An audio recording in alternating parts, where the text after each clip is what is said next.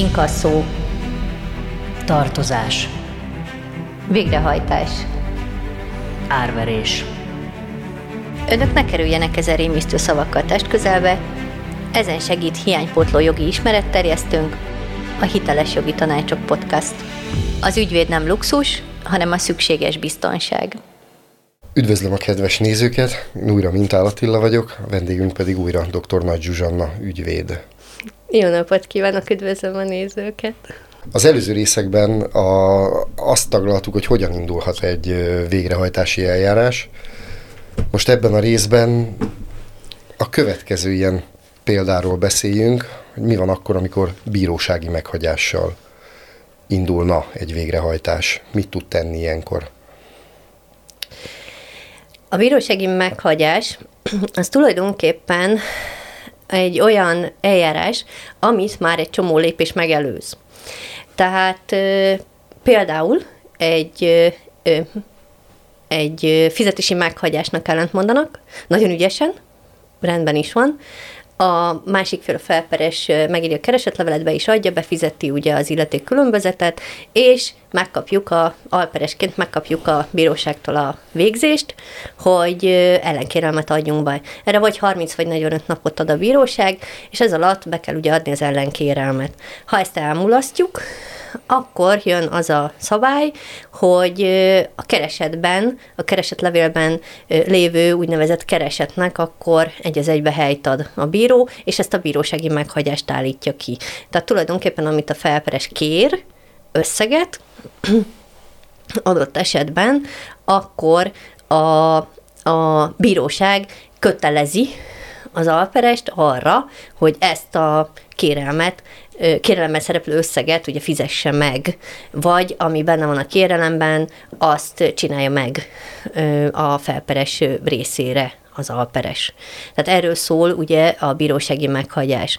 A bírósági meghagyás megjegyzem egyébként, a bírósági meghagyás csomó minden más egyéb dologban is ki lehet adni, ezt azért mondom, hogy ha esetleg kollégák is nézik, akkor itt most tényleg csak arról beszélünk, ami leginkább a mi szakterületünkbe vág. Most ugye a végrehajtási eljárások hogyan indulhatnak el, és leginkább arról van szó most, hogy a legnagyobb többség a laikusoknak szóló nagy többség mivel szembesülhet, hogyan indulhat el egy végrehajtási eljárás.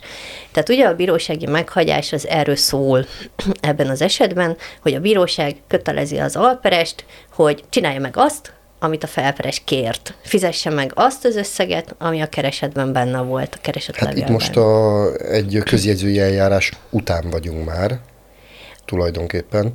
Alapvetően itt már egy bírósági eljárás keretében De ezt meg kellett, vagyunk. hogy előzze egy közjegyzői eljárás? Most ebben a pillanatban, amiről beszélünk, igen. Tehát a, a, ugye a, amiről most, most, szigorúan amiről most beszélek, tehát így a mai napon, amiről beszélek, az azután, hogy a fizetési meghagyásnak ügyesen ellentmondtak, ellentmondott ugye az alperes, és akkor ez az egész perré alakult, mert hogy a felperes ugye beadta a keresetlevelet, befizette az illetékkülönbözetet, ahogy az előbb mondtam, és megkaptuk a bíróságtól a végzést, hogy akkor elindult a, a, a per, és, és akkor adjuk be az ellenkérelmet. Az ellenkérelembe kell felsorolni egy csomó mindent, erről ma nem szeretnék beszélni, szerintem mert majd úgyis lesz egy külön adás. Most csak és kizárólag arra szorítkoznék, hogyha nem csinál semmit sem, a kedves alperes ezzel az ellenkérelemmel nem adja be, nem reagál semmit erre a bírósági papírra 30 nap alatt, 45 nap alatt, vagy reagál rá csak későn. De itt feltételezhető, ha már az ellentmondás megírására vette a fáradtságot. Igen. Akkor, akkor nagy valószínűséggel szeretne reagálni a bírói megkeresésre is.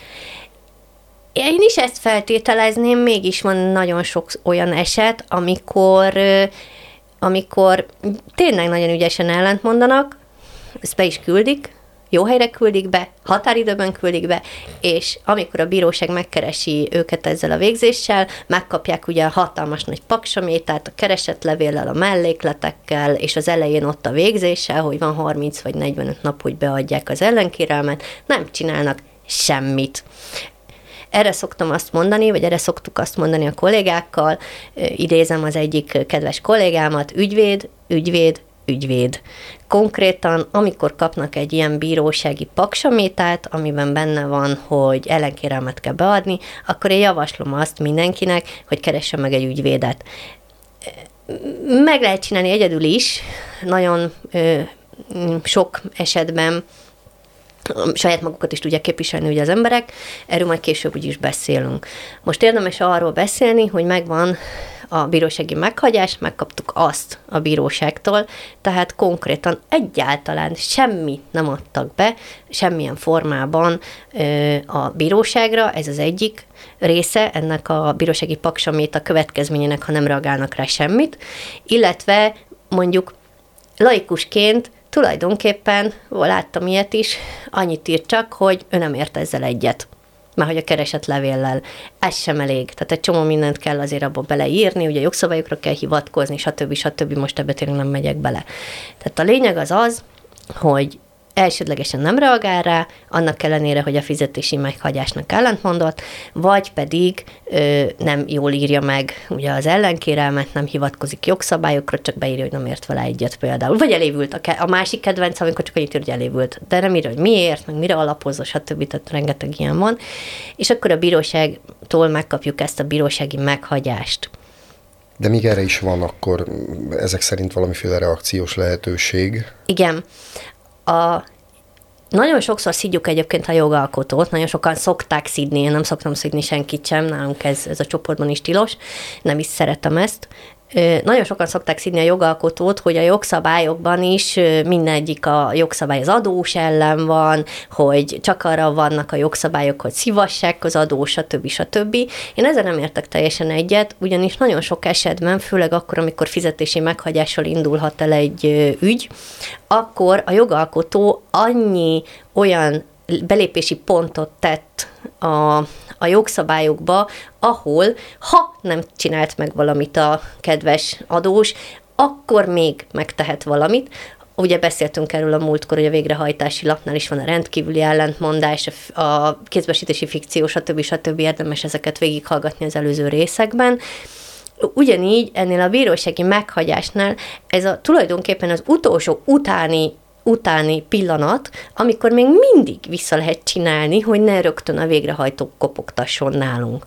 Ugyanis, hogyha átveszük ezt a bírósági meghagyást, akkor 15 napunk van arra, hogy erre reagáljunk. Ha nem csinálunk semmit, akkor jogerőssé válik, és jön a végrehajtó. Pont. Tehát ez megint az a része a dolognak. Ha viszont alapvetően megkapjuk ezt, és úgy gondoljuk, hogy még mindig úgy gondoljuk, hogy szerintünk az a követelés az nem jogos, hogy valami nem tetszik benne, az összegszerűség, túl nagy az összeg, túl nagy a kamat, stb. stb., akkor erre a bírósági meghagyásra még mindig tudunk úgynevezett ellentmondást beadni, és pótolni az ellenkérelmet, vagy hogyha valami miatt rosszul kézbesítették, nem jól ö, kaptuk meg ugye ezt a, ezt a ellenkérelmre szóló végzést, vagy bármi azzal van, akkor igazolási kéremet is be lehet adni. Az a különbség a sima ellenkérelem és e között, hogy itt már ez bizony pénzbe kerül, ugyanis a tőkének a 3%-et be kell fizetni, mint illeték, tehát azt úgy kell beadni ezt a ide azt az ellentmondást a bírósági meghagyásra, illetve pótolni az ellenkérelmet, hogy mellé befizetjük a tőke összegének a 3%-át, és ezt egyébként nem is fogjuk ö, visszakapni az ellenféltől, tehát ez egy nem is tudom, hogy mondjam, milyen példával mondjam, ez az ára annak, hogy még az utolsó utáni-utáni pillanatban vissza lehet fordítani a végrehajtási ö, eljárásból ezt az ügyet. És itt még tulajdonképpen tehetünk valamit. Hát ha nem törődömség, akkor tulajdonképpen itt pénzkifizetésben eszkalálódik.